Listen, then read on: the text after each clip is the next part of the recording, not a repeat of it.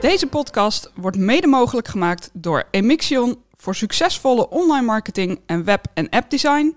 En Netflex Nijmegen, de flexpartner voor MKB, horeca en agrarisch. Dit is In, de podcast. Met Raymond Jansen. Hij staat bekend als iemand met een uitgesproken mening. Hij heeft geen stiekeme agenda en wordt getypeerd als een dwarse denker. Hij maakt zich zorgen om jongeren, zeker in covid-tijd.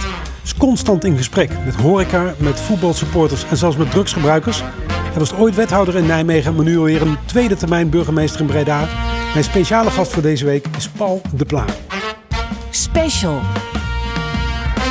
Ja, meneer de Pla, welkom in de podcast. In deze eerste special in een reeks met, uh, ja, met gesprekken van mensen die in het verleden actief waren in Nijmegen. Even snel als eerste, wat komt er als eerste in u op als u nu aan Nijmegen denkt? En met twee zonen die hier wonen, terug op het oude nest. Dus dat is, en dat voelt ook altijd fijn als je gewoon hier terug bent. Dus u komt hier nog wel eens? Ik kom hier nog regelmatig. En ik vind, ja, ik was laatst, mijn, mijn zoon studeerde af. Dus ben je weer op de universiteit en dan loop je daar weer rond en dan zie je die veranderingen. Uh, Thomas van de Quinostraat die er niet meer is. Uh, maar prachtige gebouwen. Mooie sfeer. Ja, Nijmegen is gewoon een stad uh, waar je altijd van blijft houden.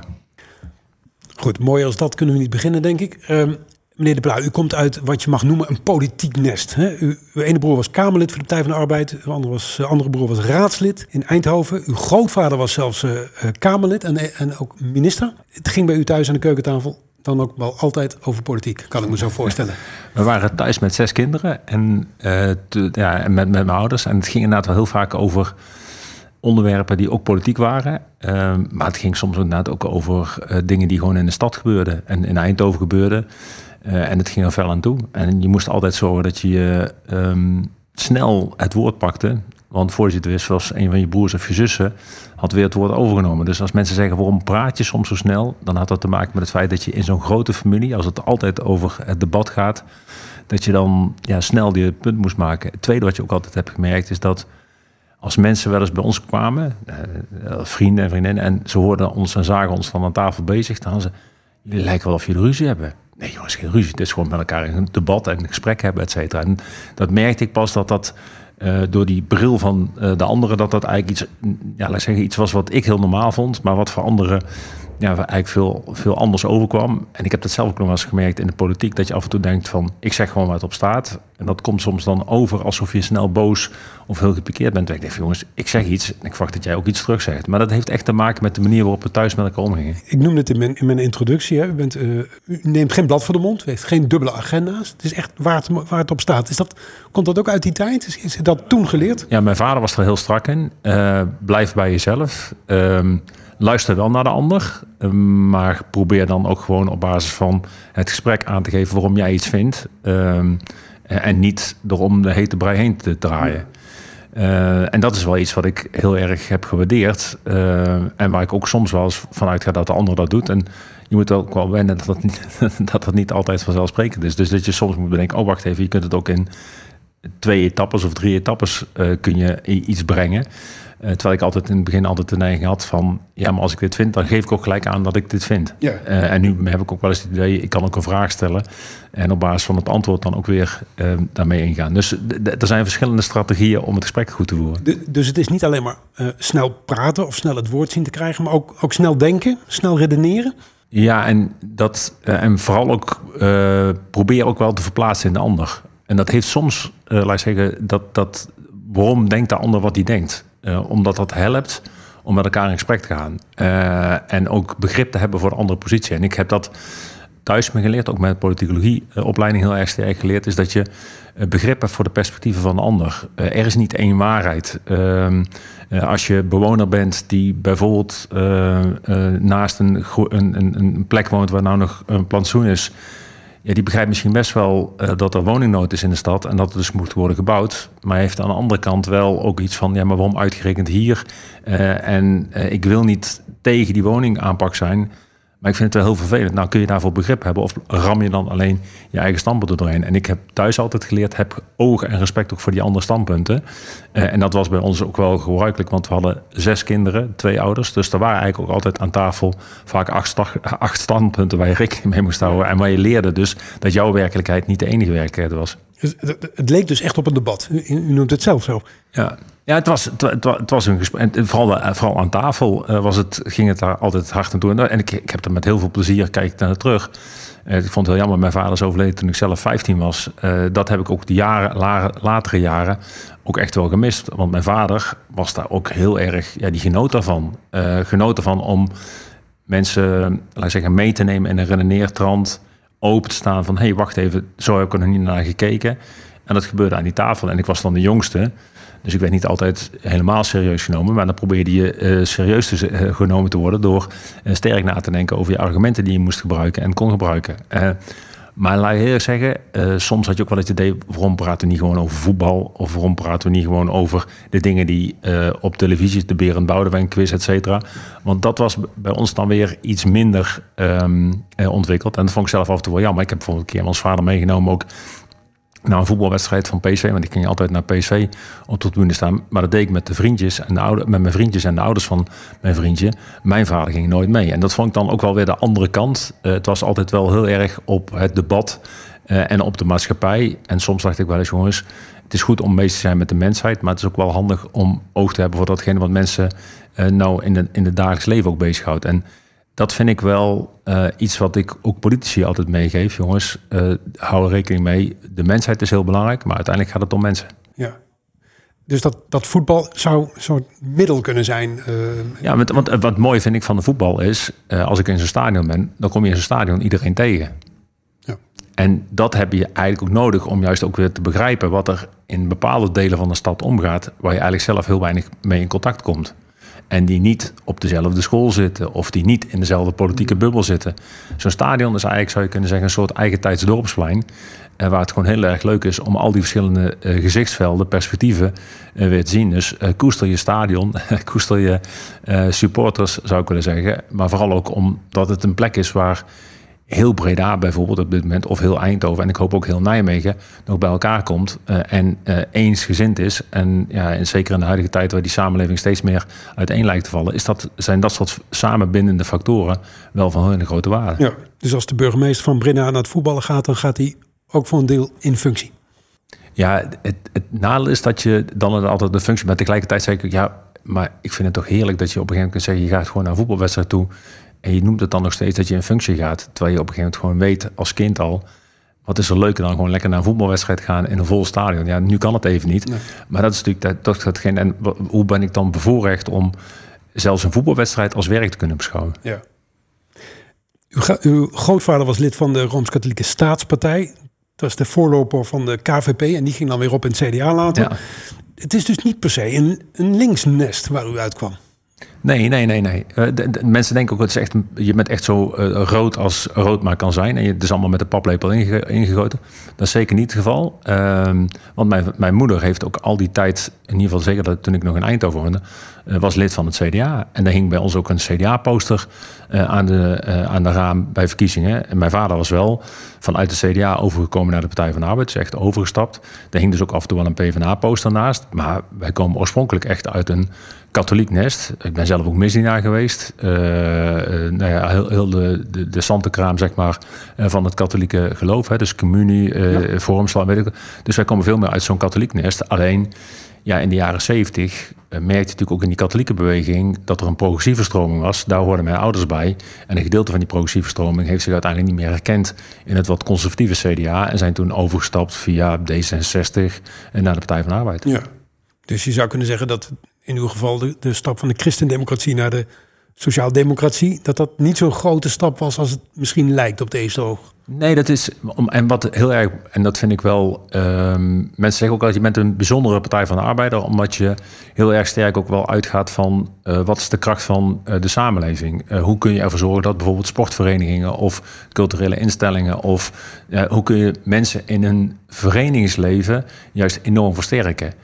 Dat is denk ik, uh, dus niet alles via de staat, niet alles via de overheid, maar veel meer via die samenleving dat proberen te doen. En mensen proberen in staat te stellen om dan mooie en mooie, goede dingen te doen. Ik vond als wethouder sport hier in Nijmegen, jongens, ja, de sport, ja, de sport werd gemaakt door al die vrijwilligers die al die verenigingen uh, uh, draaien hielden. Je moest als overheid een klein beetje die vrijwilligers ondersteunen, mooie zorg voor accommodaties. Maar echt, de sportcultuur ontstaat niet op het stadhuis. De sportcultuur ontstaat door de mensen in de stad, door de kracht van de samenleving.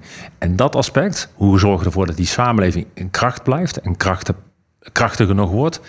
Ja, misschien is dat al iets wat in, van oudsher wel een overeenkomst is tussen een uh, sociale stroming in het CDA, de, sociale, de communitaristische stroming in de Partij van de Arbeid. En ook wel een klein beetje een stroming binnen de SP, die ook wel aanwezig is, juist gaat niet allemaal via de staat regelen. Zorgt ervoor dat mensen sterker worden en in staat zijn om uh, richting te geven aan hun leven. Is dat eigenlijk het, wat u nu schetst, de exponent van de, de, de katholieke jonge jongen, de pla die opgroeit in een politiek debat dat ook een deel christelijk gekleurd is, tot wat het nu is? Is, dat, is dit het resultaat? Ik denk het wel. Ik denk dat, en mensen vinden dat juist omdat ze een beeld hebben, je komt uit een rood nest. En dan hebben ze een klassieke Partij van de Arbeid voor ogen.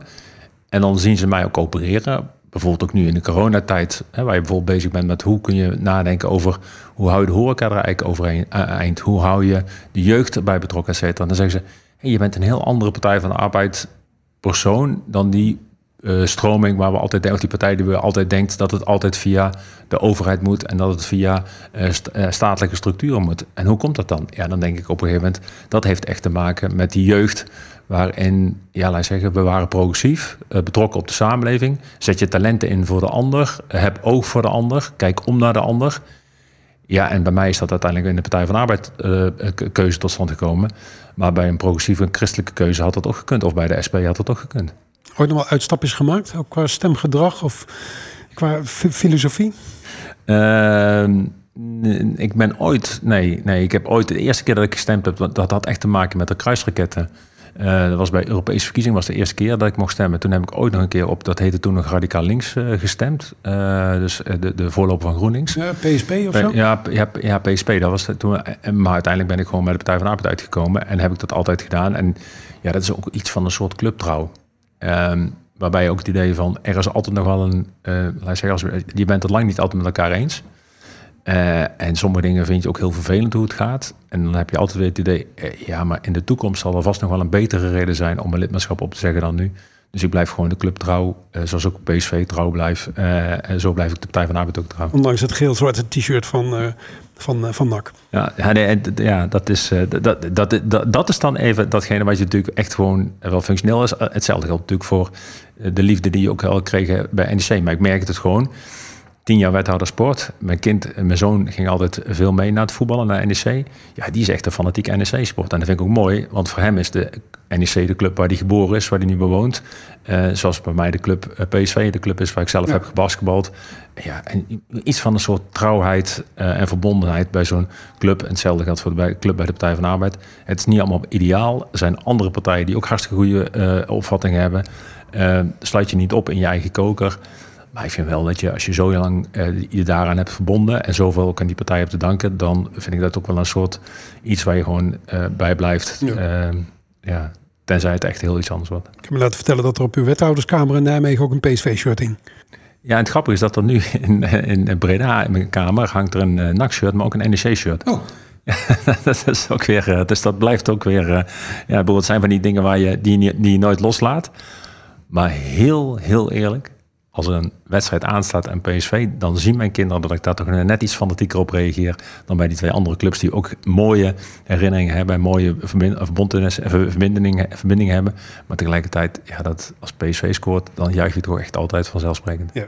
Nou, op het moment dat wij dit opnemen, de eerstvolgende thuiswedstrijd van NEC is tegen, tegen PSV. PSV. Ik zag het, ja. Ik zag het, ja. Ja, ik was ook zelfs, dat kan me nog wel herinneren, dat ik, wat ik vroeger nooit gedacht had, maar dat gebeurde wel een keer bij NEC PSV. Toen won NEC van PSV. En dat ik toch echt ook aan het juichen was voor NEC. Dat geeft ook wel iets aan dat zelfs je betrokkenheid bij zo'n club als PSV... Eh, dat dan als je zo verbonden bent met al het wel en wee van zo'n stad... en ook het wel en wee van NEC... dat je dan ook op een gegeven moment echt vol overgave kunt juichen... dat eh, NEC scoorde tegen PSV. Ik zei vroeger ook altijd, kijk, voor het kampioenschap ben ik voor PSV. Eh, niet degraderen, dan moet NEC. Dat was altijd een soort compromis wat ik wist te bedenken met mezelf. De term katholiek besturen. Zegt u dat iets?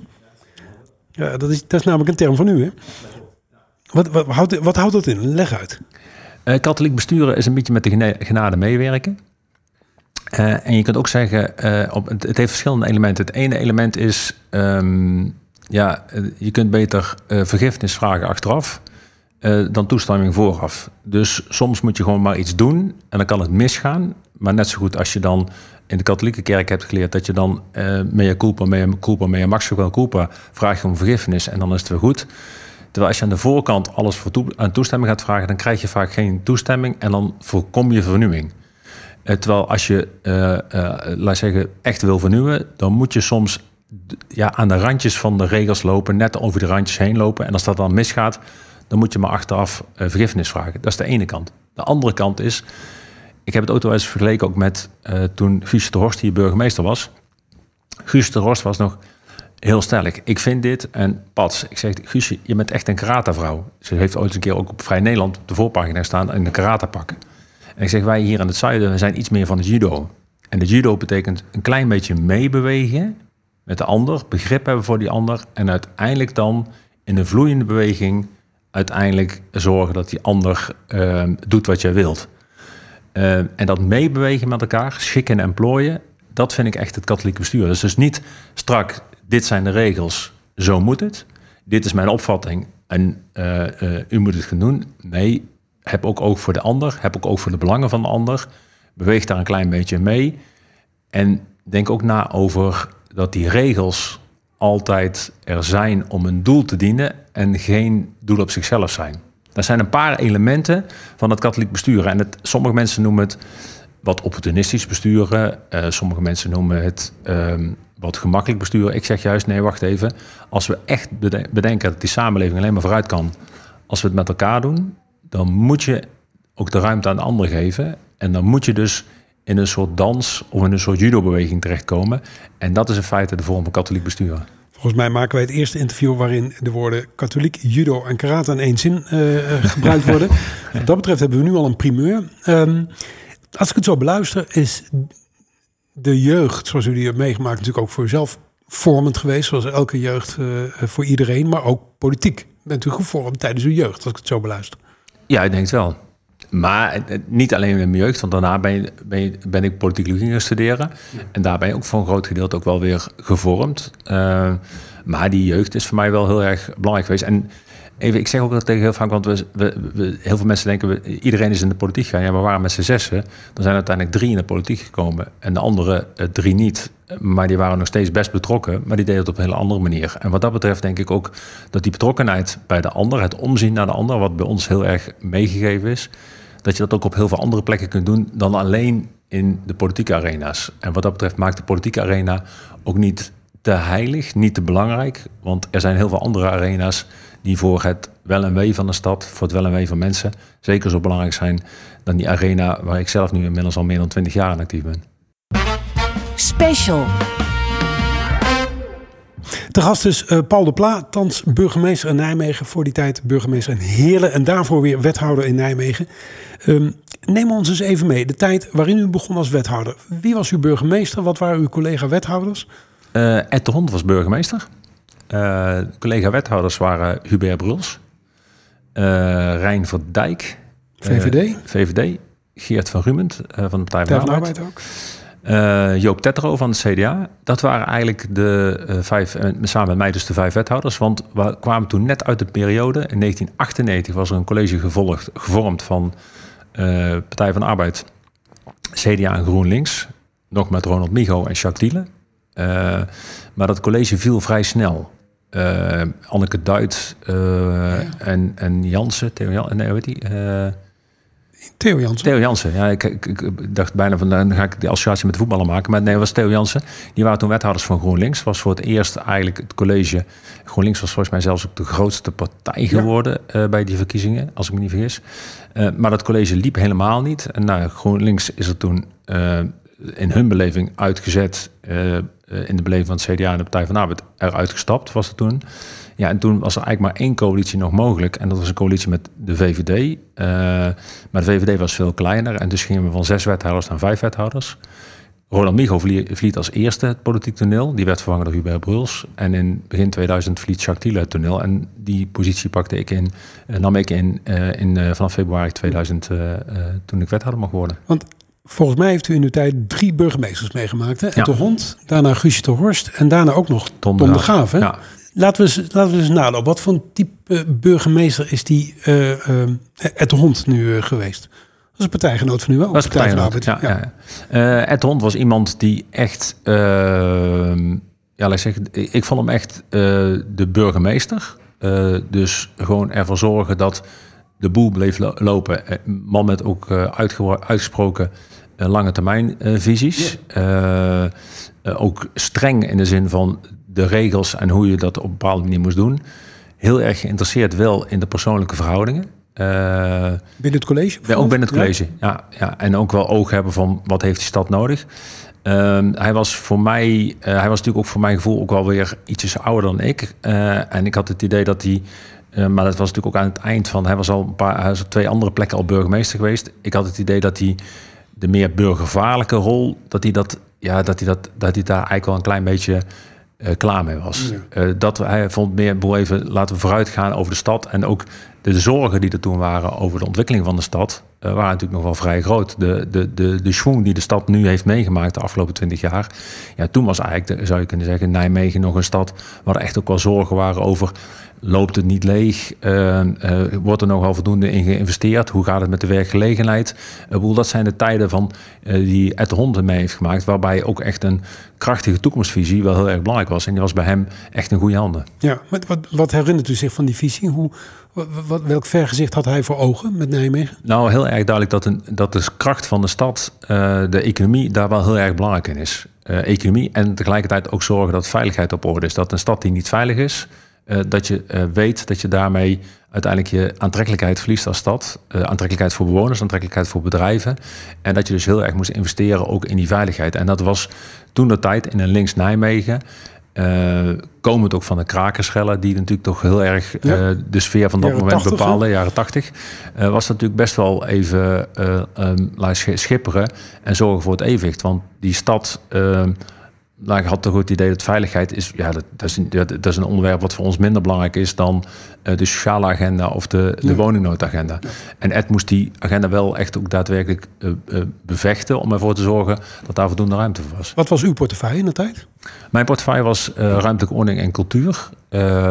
dat was de portefeuille die ik eigenlijk overnam van Jacques Diele. En dus volkshuisvesting wonen, ruimtelijke ordening, dus alle bouwplannen uh, en de cultuuragenda. en in, in die cultuurtijd speelde bijvoorbeeld uh, de uh, noodzakelijke investeringen in de Schouwburg speelden toen heel erg mee.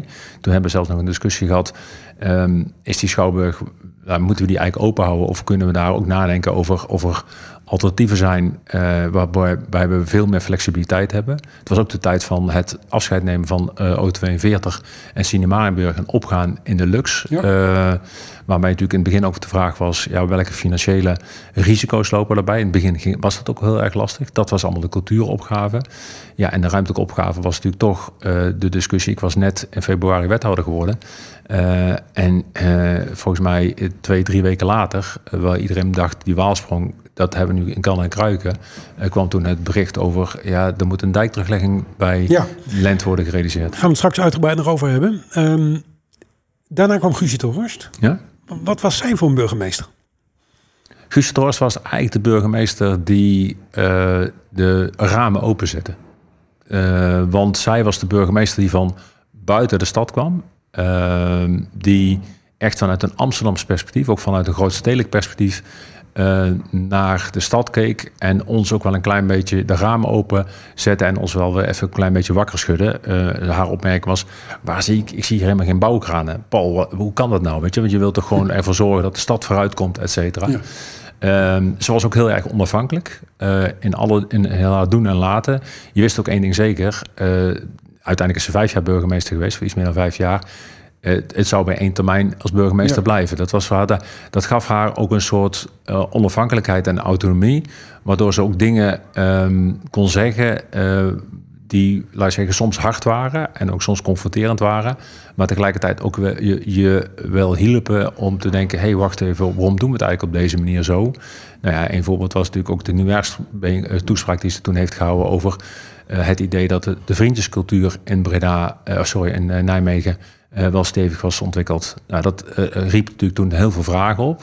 En achteraf heeft het mij in ieder geval ook wel weer gezegd: oh, wacht even, maar zo kun je naar kijken. En ja, goed dat ze me daarop heeft gewezen, want dan betekent het gewoon dat je daar ook wel weer voorzichtiger aan moet zijn.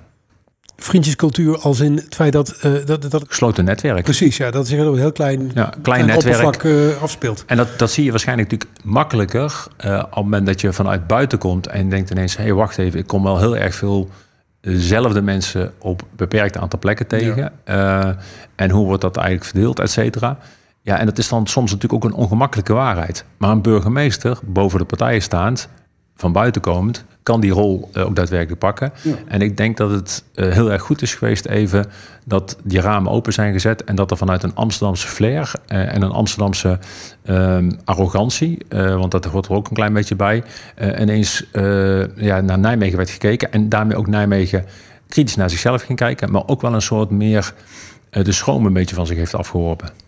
Toch ging zij eens in zoveel tijd verhuizen, kan ik me herinneren, tijdens dat termijn. Dus de, de, enerzijds had ze, had ze een zekere afstandelijke houding ten opzichte van misschien meer het bestuur dan de stad zelf. Maar ze wilde blijkbaar wel ook veel van die stad zien. Ja, dat was ook wat zij heel erg sterk had. Even, en dat vond ik ook wel het mooie, is die, proberen die verbinding. Zij ging ook, uh, na wat je zei, een aantal plekken verhuizen. Sommige mensen zeiden dan natuurlijk ook van, ja, uh, dat kun je doen. Ja, als je alleen staat, hè, want ze, ze wonen alleen, dus dan kun je dat ook makkelijker doen.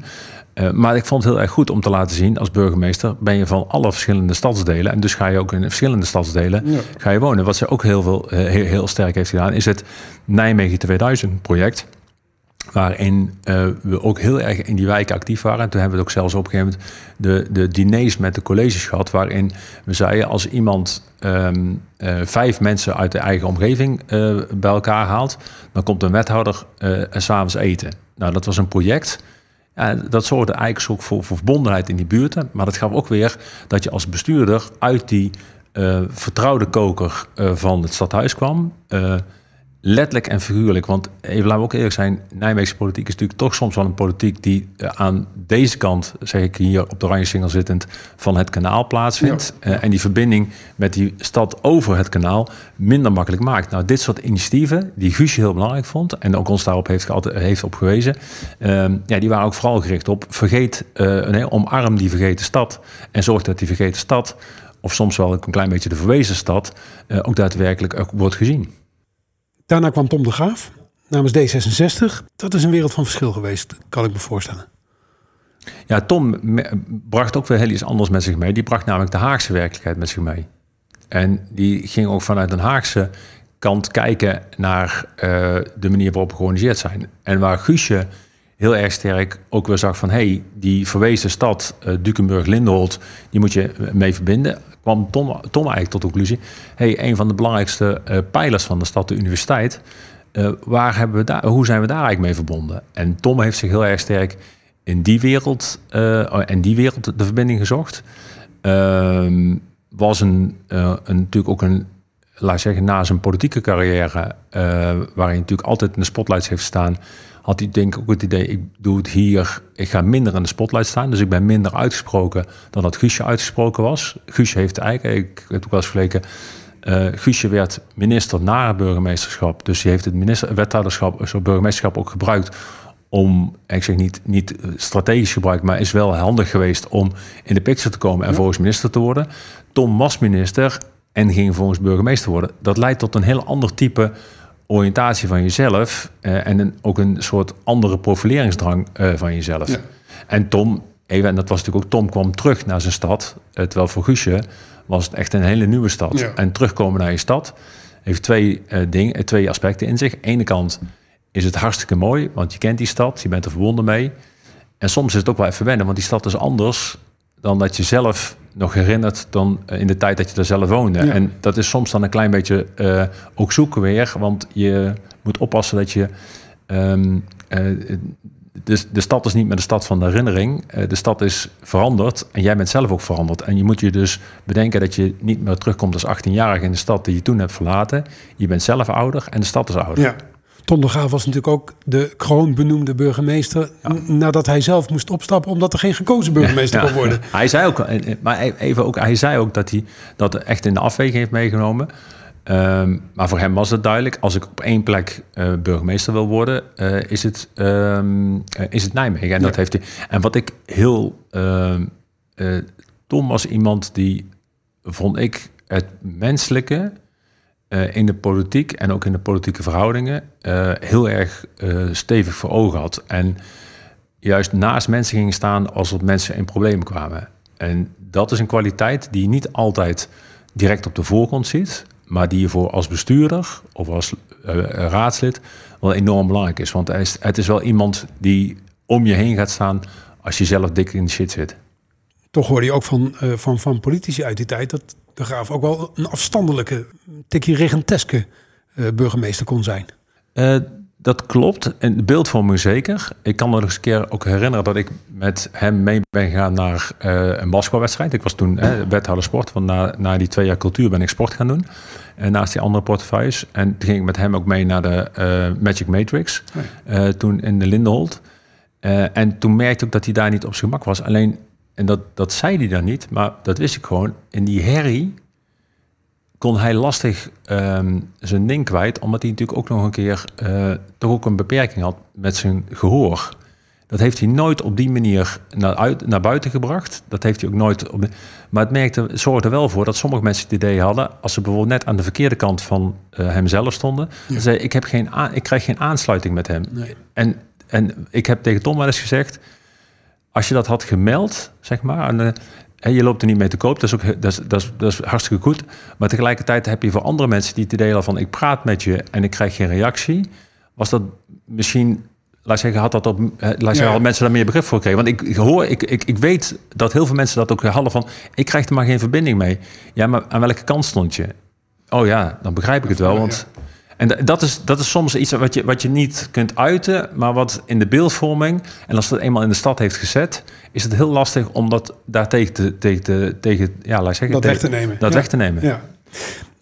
Als je nu kijkt naar die drie typen burgemeesters, hè? eh, wat is nou de burgemeester waarvan u zegt, daar lijk ik in zekere zin nog het meest op? Dat is natuurlijk een ontzettend lastige vraag. Ja. Misschien wel een ontzettend voor de hand liggende vraag. Maar toch, wat, wat, u heeft ongetwijfeld gekeken al die jaren. Met het oog, misschien word ik ooit wel eens burgemeester. Wat zijn nou, van welke burgemeester heeft u nou, eh, dat u zegt van, nou, daar heb ik wel wat van.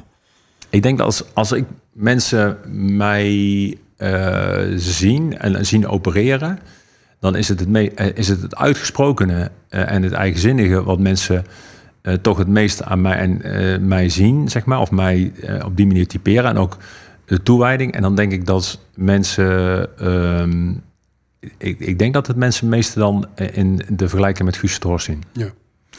Maar wat ik net al zei, wij hebben een andere stijl van opereren. Namelijk, eh Guusje is de karata-vrouw en ik ben meer de judo, eh, judoka.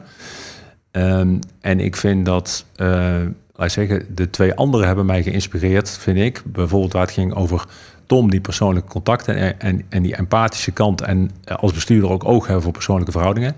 Dat is niet mijn sterkste kant. Maar dan denk ik altijd, ik weet hoe belangrijk dat is, wat Tom heeft laten zien. Dus Tom is wat dat betreft in, in, dat, aan, in zich echt van een leermeester ook voor mij, om dat kan, die kant te laten zien. En Ed heeft mij ook wel eh, geleerd dat je, ja, die, die, ja, hou steeds die visie voor ogen wat je met de stad wil en welke rol je daarbij speelt. Maar ik denk in de uitingsvorm dat ik uiteindelijk toch dan het meest lijk op Guusje. Special. Laten we het eens hebben over Flash Gordon. Ehm, want dat is natuurlijk een van de grote projecten waar u mee bezig bent geweest. eh, eh, ehm, althans, ehm, Eigenlijk niet. Het, pro- het project, eigenlijk- nou inderdaad eigenlijk niet.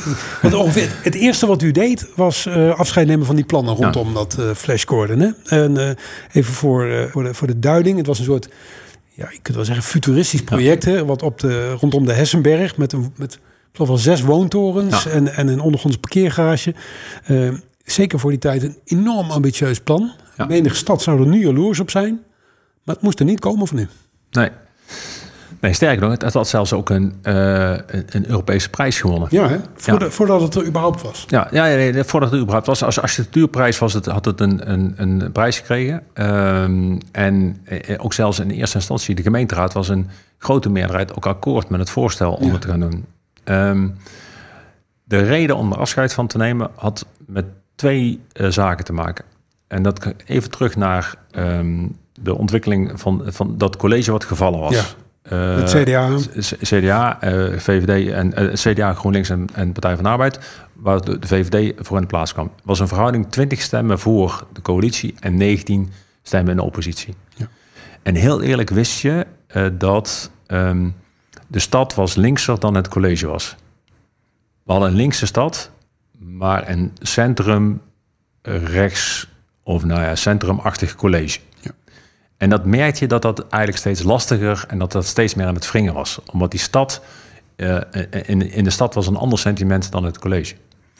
En Flash Gordon was daar een symbool ook voor. Gaan we het doorzetten als 20 tegen 19? Of maken de beweging ook naar de rest van de, van de politieke beweging eh, die daar, ehm, ja, daar, daar anders naar kijkt? Eh, en eh, laat je op een gegeven moment ook zien dat je je niet opsluit in je eigen eh, bubbel, maar die verbinding maakt met die maatschappelijke eh, stroming, onderstroming in de stad. Dat was één element. Het tweede element wat meespeelde, had ook wat te maken met het feit dat je zag dat er in die verzet tegen Flash Gordon kwamen er drie maatschappelijke stromingen samen. Cultuurhistorisch. Want het weeshuis zou worden gesloopt. Het Ja. weeshuis waar nu de nieuwe keuken in zit, die zou worden gesloopt. Je kreeg parkeren in het hartje van de stad. Dus ook de mensen die vanuit, eh, zeg maar, eh, tegen mobiliteit of, of tegen autoverkeer waren, et cetera, ja. kregen daar. En er werden ook nog een keer eh, in de Kroonstraat een behoorlijk aantal sociale woningen gesloopt. En dat in het kader van de woningnood. Dus er kwamen drie maatschappelijke protesten, wisten elkaar te vinden in, In één het- project. In, in één project. En dan weet je één ding zeker, dan gaat dat project ten onder aan die coalitie van op zichzelf groepen die niks met elkaar hebben, maar elkaar wel weten te vinden in een gemeenschappelijke vijand. En dan moet je gaan nadenken, blijf je eraan trekken? Of besluit je dan het een nieuwe start te geven, dat project, waarin je oog hebt voor datgene wat er vanuit die beweging binnenkomt. En ik had geleerd, want ik kwam als politiek adviseur, ik was politiek adviseur bij de minister geweest eh, van Verkeer en Waterstaat. Tineke? Netelenbos. Ja. En daarvan had ik geleerd, als je als nieuwe bestuurder begint, dan heb je één of twee maanden de tijd om hele lastige dossiers van je voorganger of te besluiten, ik ga er volledig voor staan en ik ga het proberen tot een goed einde te brengen, of ik ga een andere keuze maken. En die moet je dan in de eerste twee maanden van je eh, bestuursperiode gaan doen, of in je ambtsperiode gaan doen. Want anders ben je zelf in feite eigenlijk al te veel verpersoonlijking van dat project en lukt het je niet meer om afstand te nemen. Nee. Het was een goed plan, maar het kwam op het verkeerde moment of zo. Kwam op het verkeerde moment. Eh, en ik heb ook wel het idee dat het plan was eh, bedacht zonder goed na te denken over de context waar het in terecht zou moeten komen. Ja. Want het plan zelf, en, en, en even wat je ook zelf net aangaf, het, verdient, het wint niet voor niks een eh, grote prijs. Het past ook bij de ambities, zorgt ervoor dat die binnensteden aantrekkelijker worden, stevig worden. Maar ik heb het idee dat het plan was bedacht door Winfried van Zeeland. ehm, zonder je heel erg verdiept te hebben in, zonder je heel erg verbonden te hebben met de omgeving waar het plaatsvindt. En ik denk ook dat de manier van prijsvragen toen echt, echt niet meer aansloten bij die tijd. Want wat gebeurde, je, je ging in feite eigenlijk een architect de ruimte geven, kom met een plan. Zonder enige communicatie met de buurt of zonder enige communicatie met de stad. En we merkten toen natuurlijk in die tijd van ja jongens, die manier van plannen maken, dat gaat niet meer. En we deden het ook anders, want we deden het in de Dobbelman, gingen we het anders doen. Met een plangroep die zelf het plan heeft gemaakt. We gingen bij de Limos, deden het anders, waarin we op een gegeven moment zeiden, jongens, eh, eh, drie projectontwikkelaars die zich moeten presenteren en de stad gaat mee beslissen welke projectontwikkelaar het gaat worden. We gingen een referendum houden over plein 44. Niet, bent u voor of tegen het plan? Nee, welk plan wil u kiezen? Plan A of plan B? En dit was nog een klassiek plan, bedacht eh, zonder dialoog met mensen. eh, en, ja, en dan niet raar staan te kijken dat dan ook heel verzet tegen kwam. Dus wat dat betreft was het ook een plan wat niet meer aansloot bij de tijdgeest. Over tijdsgeest gesproken, als je de krantenkop uit die tijd leest, dan, dan schreven de kranten Nijmegen worstel met haar verleden. Argos maakte, VPRO Ja. radioprogramma Argos maakte een aflevering daarover. Had Nijmegen genoeg feeling met waar ze vandaan kwamen? Nee, dat, dat was toen eigenlijk wel lastig. En ook dat was Flash Gordon. Want daarmee ging je weer opnieuw iets wat eh, historie had, het weeshuis. Wat altijd natuurlijk vers- verscholen had gelegen achter die Gelderlanden. Waardoor mensen het niet zo snel hadden gezien. Maar je ging dat ook weer slopen. En was dat weer iets wat je ging slopen. En je merkte ook natuurlijk dat de discussie, en dat was in vergelijking ook met Maastricht. Maastricht was apen trots op het feit dat ze de oudste stad van Nederland was. Ja. Terwijl eigenlijk Nijmegen de oudste stad van Nederland was. En wat dat betreft, eh, en dat is ook een van de mooie projecten die we toen ook in die pe- periode gedaan hebben, is de trots van Nijmegen weer terugbrengen door het project Nijmegen 2000 jaar heel erg sterk Ja. te voeren. Waarbij je dus ook het, het liet zien van waar je vandaan komt, maar tegelijkertijd ook een soort project had, eh, een, een themajaar had, waar je heel veel maatschappelijke groeperingen eh, op kon, ehm, ja, kon mobiliseren. eh, en die historie en de toekomst met elkaar verbonden, in, in, in, in, in verband wist te brengen. Ja. Toen u begon in de, in de politiek, eh, was eigenlijk net de tijd van het almachtige CDA. Het was tanende, hè, die populariteit. Ehm, dat is wel een soort wending geweest, ook in de, ook in de politiek. Hè. Het CDA Ja. kreeg, een, kreeg een steeds kleinere rol. Kunt u eens kijken, terugkijken op, de periode, eh, op die periode met in het achterhoofd de op dit moment zeer actuele term bestuurscultuur. Wat gebeurde er in die tijd eh, rondom de manier waarop, er, waarop Nijmegen werd bestuurd? Nou ja, vul, vul het eens in. Wat, wat, Nou, wat, eh, eh, ik kan me goed herinneren. En, en toen was ik net actief. En er was de gemeenteraadsverkiezing van 1986. Dat was de- met Annie Brouwer Ja. eh, nog als lijsttrekker. Toen ging de Partij van Arbeid van 9 naar 16. En voor het eerst in de geschiedenis werden, ze groter, werden we groter dan het CDA. ja. Laterhand is het CDA overigens nog wel een paar keer ook nog groter geweest. Maar toen was het eigenlijk, zou je kunnen zeggen, bij de gemeenteraadsverkiezingen voor het eerst wat je bij die landelijke verkiezingen altijd zag. De Partij van Arbeid was eigenlijk de grootste stroming in de stad op dat Ja. moment. CDA had toen de tijd acht, negen zetels, denk ik. Nee, wel meer. Nee, want, Toch nog? Door- Toch wel meer, nee, want het CDA had toen echt altijd wel een zetel nog of 11, 12. Ja, voor die tijd. Ja, precies. Ja. Ja, nee, dus, dus, dus, en wat je merkte wel was dat...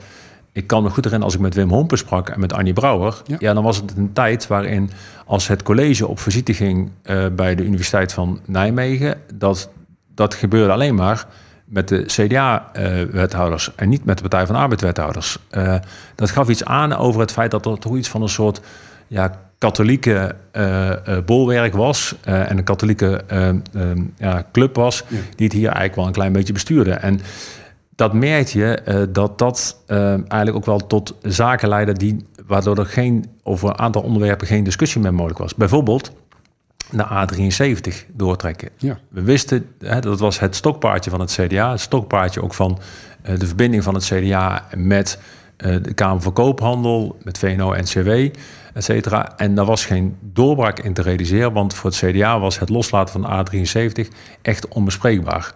Hetzelfde gold bij de hele ontwikkeling rond het, eh, het, industrieterrein, wat nu het Waalfront is. Ja.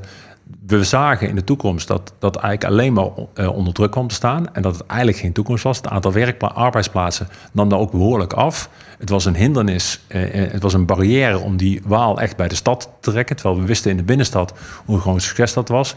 Dat was in CDA-tijd onbespreekbaar, omdat de verbindenis tussen het CDA en de ondernemers die daar zaten zo stevig was dat eigenlijk een doorontwikkeling op dat terrein eigenlijk onmogelijk was. Zo zag je, zo zag je dat er eigenlijk eh, er coalities waren die, eh, eh, laat ik zeggen, politiek en maatschappelijk waren, die de noodzakelijke vernieuwing in de stad of noodzakelijke doorbraak in de stad eigenlijk onmogelijk maakten, blokkeerden. En eh, ja, dat was natuurlijk toch iets waar we zeiden van ja, als willen we de stad verder hebben, helpen, dan moet je op een gegeven moment een keer door die blokkades heen. Ja. Ja. en dat was op een gegeven moment ook de, een van de belangrijkste redenen om te zeggen, eh, we nemen afscheid van het CDA in het college, omdat we op die terreinen ook echt, nou, echt stappen willen gaan zetten. En we hebben toen in dat periode 2002, eh, 2010 zijn er ook behoorlijk wat stappen gezet. Hè. De stadsbrug die toen gerealiseerd is, het afscheid nemen van de A73, eh, de discussie over het hele Waalfront, de dijkteruglegging, allemaal onderwerpen die een nieuwe politieke cultuur, die loskomen van bestaande ver- verhoudingen tussen stad en eh, stadhuis eh, nodig maakte om daadwerkelijk eh, dat te doen. Ja. Dat hadden we nodig en daardoor, maar over het laat ik zeggen, het is niet gericht op het CDA, het, heeft, het is gericht op een politieke partij die te lang bijna een te lang te dominant is geweest in de stad. En dat geldt voor de Partij van Arbeid in Amsterdam. Zo geldt dat voor het CDA in, gold dat in Nijmegen. Zo geldt dat voor andere politieke partijen die te lang, eh, eh, laat zeggen, de macht onaangetast is. Eh, en dat is nooit goed voor een stedelijke ontwikkeling, maar het is ook niet goed voor de bestuurlijke cultuur. Nee. En zo was Havana aan de Waal geboren. Ja, en Havana aan de Waal kon een aantal van die doorbraken realiseren. Daarbij gaf je natuurlijk ook aan dat je daarmee ook wel de verbinding maakte met de stad. Want er was natuurlijk altijd in de stad een linkse meerderheid. Uh, hè, dus die, hè, want we hadden gewoon 24 zetels. Alleen de Partij van de Arbeid wou die stap naar de SP nooit maken. Nou, ik heb gezegd, die stap met de SP moeten we wel maken. Zeker ook als je gaat kijken waar de SP sterk vertegenwoordigd is. In wijken die anders zich afkeren van de politiek. En daar heb je een sterke SP voor nodig. En wat we heel erg sterk hebben gedaan is stad en evenwicht. Aan de ene kant het doorzetten van de grote projecten. Dat was natuurlijk ook de agenda die het CDA met Ronald Migo met Centrum 2000 plan had. Maar voor de andere kant heel erg investeren in de wijken. Ja. Eh, sterke stad, sociale wijken. Of sociale stad, sterke wijken. Dat was heel erg belangrijk uitgangspunt voor ons. Want als je die wijken niet meekrijgt, heb je ook niet de steun voor die grote projecten in de steden. Terwijl die grote projecten in de stad noodzakelijk zijn om een stad vooruit te komen. Dat was uh, ja, een behoorlijke klus. Dat was een behoorlijke klus waarbij verschillende projecten samenkwamen. Want aan de ene kant hadden we uh, de dijkteruglegging, ja. die eigenlijk vanaf begin 2000 op de agenda uh, stond. Um, aan de andere kant hadden we voor die dijkteruglegging ook de stadsbrug nodig. Want uh, als we die dijkteruglegging realiseren, dan zou de, bestaande stad, de, de, bestaande Waalbrug zou er een tijdje uitgaan. Ja. Dus hadden we echt een verbinding nodig. Dus kregen we geld uh, vanuit het Rijk om ook een stadsbrug aan te leggen. Daarvoor moesten we afscheid wel nemen van de A73. Nou, ik denk dat dat ook voor met name de milieubeweging uh, heel goed uitkwam, maar ook vanuit het Rijk. want dat betekent namelijk geen doorsnijding van het natuurgebied. Stadsbrug kon je gewoon aanleggen. En als je die stadsbrug aanlegde, had je de, ja wacht even, dan heb je eigenlijk dat gebied tussen de stadsbrug en de spoorbrug, waar toen de Gelderlander lag, ja, dan heb je eigenlijk een, gebied wat langzaam maar zeker aan het wegkwijnen is. En kun je dat dan niet op de schop nemen? En kun je dan dan niet worden geïnspireerd zoals het keramikterrein in Maastricht ons toen inspireerde om te zeggen: hé, hey, wacht even, Nijmegen keert zich zeg maar, van zijn rug, eh, wat altijd naar de uh, Waal was, keert zich om naar de Waal uh, en zorgt voor een verbinding van het waterkwartier met de Waal zorgt voor een uitbreiding van het centrumgebied. ja. ja, en als je dat als derde project hebt, naast de dijkteruglegging, de stadsbrug, derde project dan het Waalfront en het nadenken over de uh, ontwikkeling van, het, uh, van, het, van de Waalsprong, ja. dan kwam je langzaam tot het idee, die Waal die hebben we altijd beschouwd als een vijand. Waar Nijmegen aan de Waal lag. Ja. Terwijl eigenlijk weet je, water is een enorme trekpleister. Zorg ervoor dat je van die Waal geen dreiging maakt, maar een kans maakt. Dus omarm letterlijk en figuurlijk die Waal als een van je troefkaarten als stad. En dat lukt op deze manier, waarbij we ook voor moesten zorgen dat we de plannen over de Waalsprong gingen omdraaien. Want wat hadden we de Waalsprong gemaakt? De Waalsprong hadden we in feite eigenlijk een, uh, een ja, laat zeggen, een, een, een, een, iets wat gemaakt wat was helemaal niet gericht was op die rivier. Terwijl het bijzondere van de Waalsprong was dat je zo dicht bij de stad aan het water kon wonen. Dus zorg voor, in plaats van een dijk achter de wijken, of een wijk achter de dijk, zorg voor een stad aan een rivier. Ja, dachten ze een lent anders over. Ja, dat klopt. die, waren, die waren niet 1, 2, 3 overtuigd. Die waren niet 1, 2, 3 overtuigd. Nee, dat begrijp ik ook wel. Want dat was natuurlijk... Uh, zij hadden het idee even... Zij hadden niet gevraagd om de waalsprong. Nee. Even, en dat begrijp ik vanuit hun perspectief ook. Want laten we één ding zeggen. Uh, uh, wat ik net ook zei. Heb ook voor de begrip en of, ook voor het perspectief van de ander. Zij hadden een dorp, een tuinersdorp, waar ze heel trots op waren. Veel CDA. Veel CDA. Tuinersdorp waar ze heel trots op waren. En dat werd ineens gewoon onderdeel van de stad. Met weliswaar misschien nog een oude kerntje wat, wat, wat, wat, herinnerde aan de oude Tuinersdorp. Maar het was natuurlijk toch gewoon, zou het opgezocht worden door de stad. Daar zaten ze niet op te wachten. En dan komt er ook nog eens een keer overheen zo'n dijkteruglegging. Waarbij de historische uh, ader of de historische lint van uh, Lent wordt afgesneden. ja, dan krijg je al heel snel, wat hebben ze nu weer bedacht? en is dit wel nodig? Is dit wel, hè? iedereen zegt dat het nodig is voor het hoogwater. Maar is dit niet gewoon een truc uh, waar we voor de gek worden gehouden? Uh, complottheorieën waren toen nog iets minder sterk. Maar het was wel het idee van, hey, is dat allemaal wel waar, et cetera? Hoe heeft u de mensen zover gekregen? Want, natuurlijk factor tijd, want het hele project heeft... Nou ja, tien jaar geduurd. Ruim tien, ja, maar meer geloof ik. Hè? Uh, hoe, hoe kregen u die mensen toch aan boord uiteindelijk? Um, niet allemaal overigens, hè, want er zijn er nog steeds die uh, volgens mij tot op de dag van vandaag zeggen dat het geen goed plan is. Maar, uh... Ja, maar ik heb toch wel het idee dat het, dat het leed van Lent omgezet is in de trots van Lent. Even, en dat, waar, heb je dat mee? Um, nooit bang zijn en nooit het gesprek uit de weg gaan. Ik weet nog goed dat ik altijd er ook was bij de avonden waar bewoners waren. Mm. Zelfs op de avonden dat voor bewoners bekend werd welke woningen kunnen blijven staan Welke woningen zullen worden gesloopt? Welke woningen komen eh, aan de dijk te liggen, et cetera. Eh, zorg ervoor dat je altijd eh, erbij bent en ook niet gelijk na de inspraakavond weg bent, maar dan vervolgens aan de bar nog mee een pilsje pakt. Zodat mensen het idee wel hebben, hij heeft wel een klote boodschap, om het even onparlementair te zeggen. En het is misschien wel een, uh, een rotzak wat hij ons aan, maar het is wel onze rotzak. En laat zeggen, hij, hij, hij, hij, hij ontloopt ons niet en hij gaat met ons in gesprek. Dat is denk ik heel erg belangrijk. Ja. Tweede wat heel erg belangrijk is, is mensen ook meenemen in en ook de ruimte geven om alternatieve plannen te laten ontwikkelen. Hoe zouden jullie het dan willen zien en hoe zouden we het dan kunnen oplossen? En welke ruimte is er? Je dus niet aan de voorkant helemaal vastgepakt hebben op je eigen gelijk. Nogmaals, datgene wat we zeiden, wat we ook geleerd hebben, eh, je hebt een eigen standpunt, maar besef, de leden wel aan de keukentafel bij ons thuis al, er zijn ook andere perspectieven en probeer die andere perspectieven ook te begrijpen en geef ze ook ruimte om te ontwikkelen. Er zijn toen alternatieve plannen ontwikkeld met terpenplannen, et cetera. Ja, allemaal tegen elkaar laten afwegen en dan tot de conclusie gekomen, ja wacht even, dit is niet echt de oplossing die duurzaam is. En als we dan voor die duurzame oplossing, dan moeten we maar even de pijnlijke oplossing kiezen voor de sloop van woningen. Moeten we ook zorgen dat we de mensen goed compenseren. Uh, mensen zijn ook goed gecompenseerd uh, in dat uh, kader. Um, ja, en dan op een gegeven moment ook hopen dat de uitkomst ehm, er één is waar mensen ook van zeggen: ja, als het moet, dan doen we het ook maar goed. Ja. U heeft het goed uitonderhandeld, want ehm, het hele project kostte geloof ik 500, 600 miljoen euro, als ik me goed herinner. Daar heeft de gemeente Nijmegen relatief gezien vrij weinig aan hoeven bijdragen. Ja, maar het was ook een rijksproject.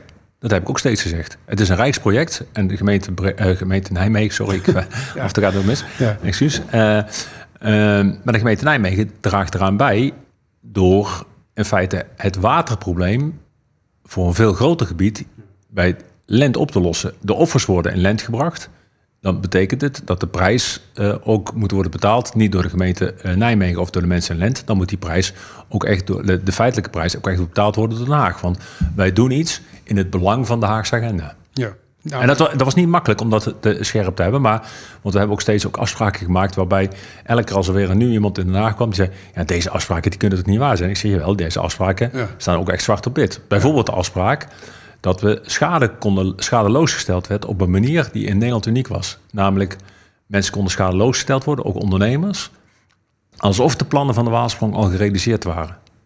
Want sommige mensen hadden geïnvesteerd met dit idee. Er komt een grote woonwijk bij. Uh, dat betekent dat ik mijn winkel ga uitbreiden of mijn zaak ga uitbreiden, et cetera. En door deze tijdteruglegging ging dat niet door. En heb ik gezegd, ja, die mensen hebben wel de schade en die moeten die schade wel kunnen verhalen. Dus dat in Den Haag vast ook wel iemand die zei, er zit een slimme wethouder die probeert zijn ambitieuze plannen te laten financieren door, uh, door het Rijk, uh, door er een draai aan te geven die met de Waal te maken heeft. ja, dat zal ongetwijfeld iemand gedacht hebben. Maar daarvan konden we echt wel heel erg zeggen dat Ruimte voor Rivier was natuurlijk echt een rijksprogramma. Het was niet zo dat wij op een gegeven moment zelf een programma hadden en zeiden we proberen daar het Rijk voor uh, uh, warm te laten lopen. Nee, het was echt duidelijk ruimte voor vier. We kwamen natuurlijk ook af in de situatie waar we toch niet voor heel lang geleden die grote watersnoodrampen hadden gehad. Uh, ook in, uh, in de omgeving van Lent en Bemmel, et cetera. waar mensen ook echt geëvacueerd moesten worden, et cetera. Dat was de, de, tijd waar voor het eerst het besef was: klimaatverandering zorgt, zet ons voor grote opgaven. En bij Nijmegen, bij Lent, hebben we dan ook echt wel een probleem, omdat daar de Waal zo'n enorme bocht maakt.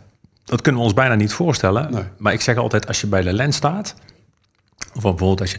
En probeer eens te kijken, als je, als je met mensen die Nijmegen niet kennen, en dan ga je in Lent staan, eigenlijk dus aan de oostkant. Dan vraag je, waar ligt uh, de, de oude, uh, de, de, de, de oude steenkool, of de... de, de nee, nee, nee, nee, de, de, de grote fabriek. Ligt die aan de Lentse kant of ligt die aan de oh, Nijmeegse kant? Ja, ja, steenfabriek. En iedereen zegt dan, ja, die ligt aan, een, aan de Lentse kant. Ja. En nee, die ligt aan de Nijmeegse kant. Hoe kan dat dan? Ja, omdat hij daar zo'n enorme bocht maakt. En die bocht zorgde voor het hoogwaterprobleem. Ja. Iets wat ook veel geld gekost heeft, maar iets minder succesvol afliep, dat was het uh, Huis voor de Topsport. Ja, nou, het heeft niet zoveel geld gekost, maar het eigenlijk niet gerealiseerd nou ja, uh, ik geloof dat alleen de voorbereidingskosten al 4 miljoen euro waren of zo. Nee, nee, nee, niet zoveel. Oh. Nee, wat heeft het gekost dan aan, uh, aan ambtenaren en voorbereiding? Ja, maar niet 4 miljoen. Oké. Nee, maar het is wel... 3,5. Nee, nee, nee. Voor de, de, zoveel, het enige wat we gekocht hebben is, is, dat, uh, is het wel het huisje daar bij de, in de Goffert. Die is toen wel gekocht. Mm -hmm. Dus dat zal, uh, als je het in die prijs meerekent, dan, dan, uh, dan kom je al snel tot een miljoen, denk ik wel. Maar het waren echt allemaal voorbereidingskosten. We hebben natuurlijk niet zaken gedaan. Ik vind het nog steeds jammer dat het niet door is gegaan. Omdat ik had het idee, daar kun je echt je als topsportstad... Uh, met de Hogeschool Arnhem-Nijmegen, met uh, sportopleidingen, ja. met Sint Maartenskliniek, die ook op dat terrein heel erg actief is, kun je heel goed presenteren. Maar het was een project waarvan je wist, um, als ik in het begin van mijn ambtsperiode had gezeten, als het begin van mijn wethouderschap had gezeten, dan had ik het misschien kunnen doorheen kunnen krijgen. Ja. Maar aan het eind van je tien jaar, waarin sommige mensen ook, denk ik, de plan meer naar moe waren, uh, was het toen, oh, hij is vertrokken, dan zetten we daar gelijk een streep door. Beetje alle Flash. Eigenlijk alle Flash. Ja, iedere, iedere, uh, iedere bestuurder, iedere wethouder zal, zeker als je lang zit. Nee, maar ik, dat, dat, ik denk dat mensen na tien jaar. Ik, ik weet dat mensen um, best, uh, laat zeggen, respect voor mij hadden voor de manier waarop we dingen in de stad hebben gerealiseerd. En ook waarin we heel veel bouwprojecten hebben mogelijk gemaakt en sportcomplexen hebben opgebouwd. Maar ik weet één ding zeker, na tien jaar vond ik het zelf nog heel erg leuk. En deed ik met pijn en, met pijn en moeite heb ik afscheid genomen van het wethouderschap. Ik vond blij dat ik, dat ik burgemeester kon worden. Maar ik denk dat mensen overal ze respect voor mij hadden. Uh, maar op dat moment ook wel zoiets hadden. Paul, het is mooi geweest. Ja. Uh, en dan gaat zo'n project, wat dan iemand beschouwt als een megalomaan project. Ja, is het makkelijk wat dat dan, dan uiteindelijk uh, bij de, in, in de schredder verdwijnt. Wat ging er fout? Ik denk dat het eigenlijk, je zou ook hier weer kunnen zeggen, het project was um, eigenlijk briljant uh, in, zijn, uh, in, zijn, in zijn doelstellingen. Want je bracht namelijk hogeschool, medische ja. en topsport bracht je bij elkaar. Je kon echt ook een investering doen in het stadion. En in je, ja, in je, in, je, infrastructuur die nodig was voor de top judo die je had, de hazenkamp, die to, toen de tijd top, ja, atletiek, ja. nee, top de turnen was. Oh, turnen, ja. ja. Mag je allemaal bij elkaar. Alleen de investering was heel erg groot in een, in een onzekere financiële markt. En je deed het in de Goffert, waarbij je dan ook nog een keer natuurlijk gewoon dwars door de en de historische kant van de Goffert ging en door de natuurkant. En dan zie je ook weer drie groepen die zich kunnen verzetten. Namelijk mensen die vinden dat het te veel geld kost. Mensen die voor de natuur zijn en mensen die voor de historische waarde zijn. En die drie krachten gebundeld hebben uiteindelijk het project, um, laat ik zeggen, um, uh, gestopt. Ja, weer een overeenkomst met Flash weer, weer een overeenkomst met Flash. En, en, het, en het laatste misschien wat je ook. Als je als bestuurder iets te graag iets wil... Zoals Jacques Thiele bijna symbool kwam te staan voor Flash Gordon. Jacques Thiele overigens een hele goede vriend van mij, dus geen kwaad woord over Jacques, maar die stond symbool voor de Flash Gordon. Zo was ik langzaam maar zeker het symbool van dat topsoort innovatiepark in de Goffert. En als je dat doet, dan gaat het niet meer om de inhoud, maar dan gaat het om je persoon. En in die situaties verlies je vaak de steun in de stad. Corrigeer me als ik het verkeerd zeg, maar volgens mij was het uiteindelijk Wouter van Eck, met wie u het heel goed kon vinden al die ja. periode, die uiteindelijk het hele plan uh, de, de, de das omdeed, GroenLinks. Ja, ik denk het wel. Maar ik weet niet of Wouter toen nog... Ja, het zou best kunnen. Maar Wouter was inderdaad ook wel iemand waar ik heel goed mee kon vinden. Omdat ja. we namelijk vanuit onze verschillende belangen wisten... hoe maken we compromissen om begrip te hebben voor elkaars positie... Uh, uh, oog te hebben voor belangen van de milieubeweging, et cetera... maar ja. tegelijkertijd als stad verder te kunnen. Special. Iets anders. Politicologen en bestuurskundigen in het openbaar bestuur. Je ziet in toenemende mate dat die, uh, dat die mensen ja, uh, zitting nemen in, uh, in gemeenteraden, zelfs in provinciale staten. In Nijmegen, burgemeester Bruls is een politicoloog, wethouder Vergun zit er een. de raadsleden, Maarten Bakker van de VVD, Jure Wieke van de SP, zoals Gerelle de Leeuw is onlangs afgestudeerd. GroenLinks. En, en, en, en Monique Esselbrugge heeft bestuurskunde in in Tilburg gedaan. Ja? Die is zelfs bij mij afgestudeerd. Kijk, um, hoe kijkt u naar deze ontwikkeling? U bent ook een politicoloog trouwens, hè? Ja, ik ben politicoloog. Hoewel? Heeft ook een jaartje sociologie? Ook een jaar sociologie. Ik ben begonnen met sociologie. Toen wou ik eigenlijk schooljournalistiek gaan doen in Tilburg. Nee. En toen was ik uitgeloot. Toen dacht ik, nou ga ik, jaar, ga ik een jaartje iets doen waar ik alvast in Tilburg zit. Ja, dat ken ik. Ja, dus, uh, maar goed, dus, dus uiteindelijk wel politicologie. Ja, wat je, wat je uh, ziet natuurlijk wel is dat um, ja, politicologen... Kunnen helpen om uh, ja, vooral de processen uh, goed te laten lopen. Uh, kijk, wij, wij leren altijd als politicoloog, je weet heel weinig van heel veel. Ja, wat leer je eigenlijk als politicoloog? Eigenlijk leer je als politicoloog eigenlijk vooral om te gaan kijken hoe, kun je, hoe, worden, hoe gaan besluiten, hoe worden die genomen. Uh, en welke belangen zitten daarbij die besluiten? En hoe kun je ervoor zorgen dat die uh, belangen uh, een beetje bij elkaar komen en niet te veel uit elkaar kunnen gaan lopen? Dat heb ik in ieder geval bij politicologie altijd geleerd. je hebt oog voor. Als je iets wil realiseren. Je hebt, ik heb, leer ook altijd, bijvoorbeeld als, als wethouder. Maar dat, je hebt met drie werelden te maken die je met elkaar moet verbinden. Ik noem het altijd jongleren met drie sinaasappels. Die ene sinaasappel was de politiek de gemeenteraad, die zei: Hallo, beste wethouder, wij zijn gekozen, dus je moet luisteren naar ons. Ja.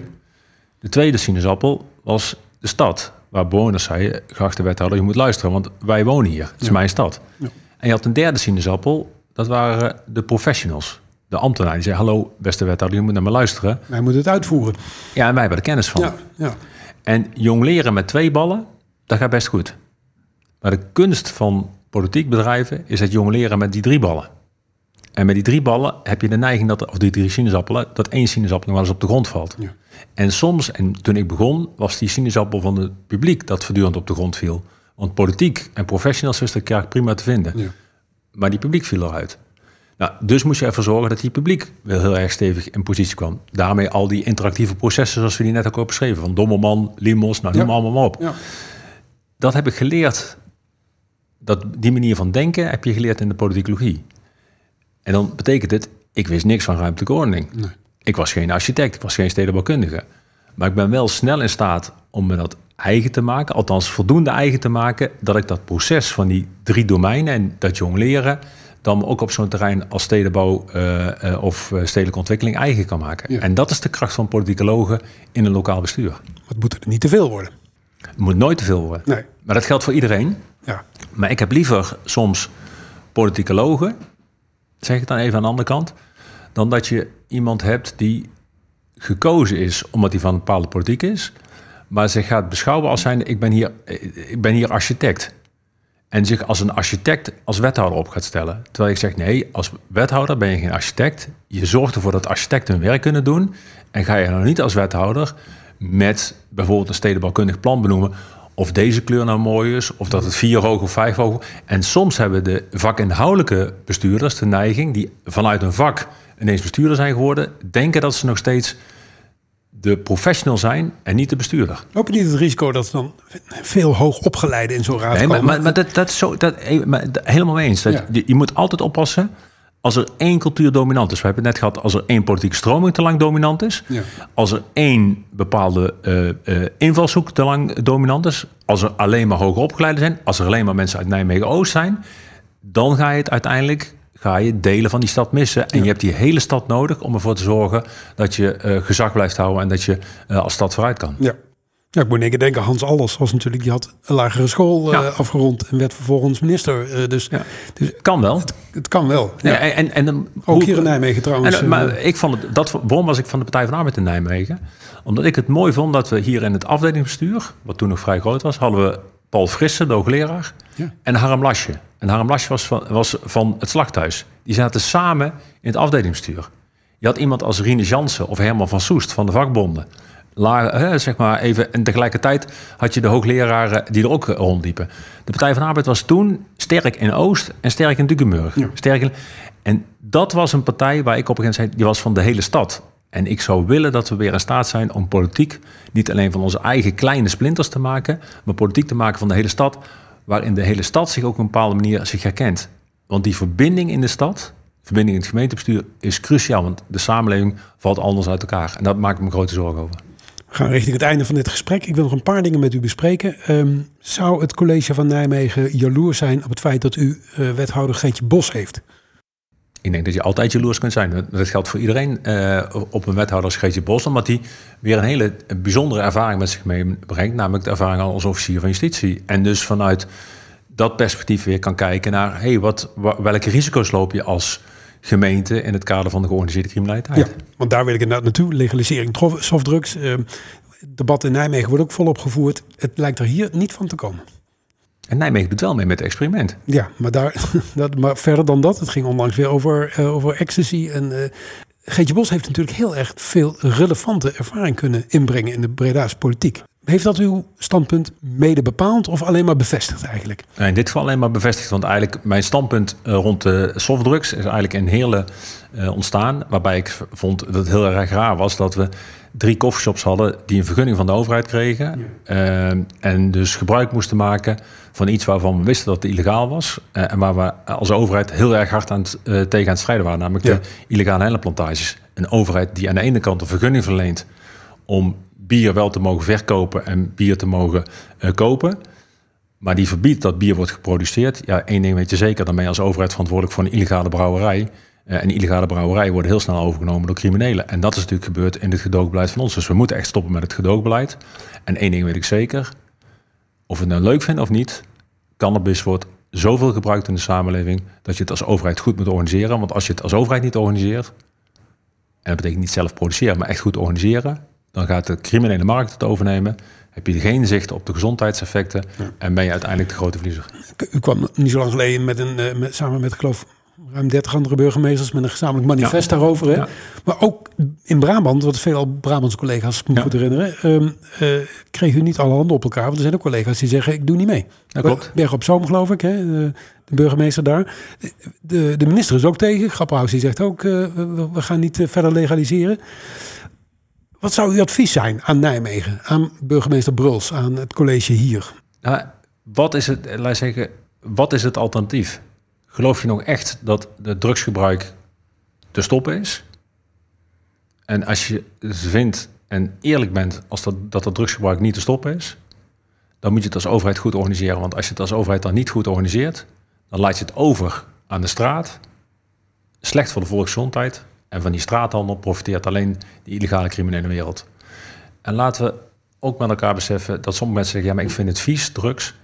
Dat zeggen heel vaak mensen die zelf af en toe nog best wel een biertje pakken of een glas wijn eh, drinken. En waarom zou dat wel mogen, bier drinken en wijn drinken?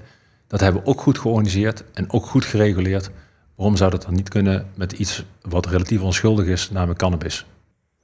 Helemaal tot slot, uh, u bent net aan uw nou ja, ja of twee geleden aan uw tweede termijn begonnen in Breda. De dromen van Paul de Pla in, zijn, uh, in, in, de aankomende tien jaar, gaan die ook nog richting Nijmegen? Komt u nog wel eens van om hier terug te komen? Ik kom heel erg graag terug in Nijmegen. Ja? Uh, maar niet als bestuurder. Nee, gaat het niet meer gebeuren? Nee. Nee? Nee, ik denk dat je op een gegeven moment uh, ook daar lerend van. Ik heb tien, jaar, tien geweldige jaren gehad. Met heel veel mooie dingen. Af en toe natuurlijk ook een paar keer flinke tik op je neus. Maar ik denk dat dat die mooie herinnering blijft voor mij een mooie herinnering. Eh, en als ik nu weer terug zou gaan als bestuurder, dan ben ik bang dat die mooie herinnering toch uiteindelijk weer, um, ja, laat ik zeggen, uh, wordt, wordt, wordt, ja, laat ik zeggen, wordt uh, gehinderd of wordt weggepoetst door datgene wat je dan gaat doen. Ik ja, denk, dat is dat herlezen van, het, van dat jeugdboek, uh, ja. wat je op de oudere leeftijd gewoon niet meer moet doen. Nee, hetzelfde wat, wat, wat afgelopen week was het bij uh, Studio Voetbal. Het terugkeren van voetballers op een oude nest. Uh, geniet nou juist van die mooie herinneringen die je hebt. Loop door de stad hier rond met het idee, wat is dit een geweldige stad en wat is het toch mooi. Wat ben ik dankbaar dat ik hier tien jaar lang mijn bijdrage aan heb kunnen leveren. Maar laat vervolgens het bestuur aan de stad aan de anderen weer over. Ik richt me weer op andere dingen, maar Nijmegen is nooit uit mijn hart. Over lopen door de stad gesproken, wat is uw snelste tijd op de Zevenheuvelenloop? Ja, die was 1 uur 9. Oh, dat is een nette tijd. Ja, ik heb laatst in de singelloop hebben in Breda nog, dus de halve marathon, heb ik 1 uur 49 of zo. Dus dat was, dus ik blijf probeer, ik doe nog steeds mijn best. Heel behoorlijk. Ja. Heel behoorlijk. Nee, dus, dus volgens mij moet je echt ook op een gegeven moment... je moet vooruitkijken uh, met alle mooie charmes... en alle mooie herinneringen als bagage. En Nijmegen is voor mij een, een geweldige herinnering... en een hartstikke mooie bagage geweest. Um, nogmaals, met alle plezier en alle liefde kijken terug naar Nijmegen. Maar terugkeren naar Nijmegen alleen maar als inwoner... om te genieten van mijn oude dag. Dit was in de podcast. De Special, redactie en productie, waren in handen van Rob Jaspers en van mijzelf. Ik ben Raymond Jansen. Heb je vragen aan ons? Mail naar redactie.indepodcast.nl. Natuurlijk volg je onze social media via @indepodcast. Ben je ondernemer? Wil je adverteren? Dat kan. Stuur een e-mail naar adverteren.indepodcast.nl en dan praten we je bij voor de mogelijkheden. Volgende week is er weer een In. Dit is In, de podcast.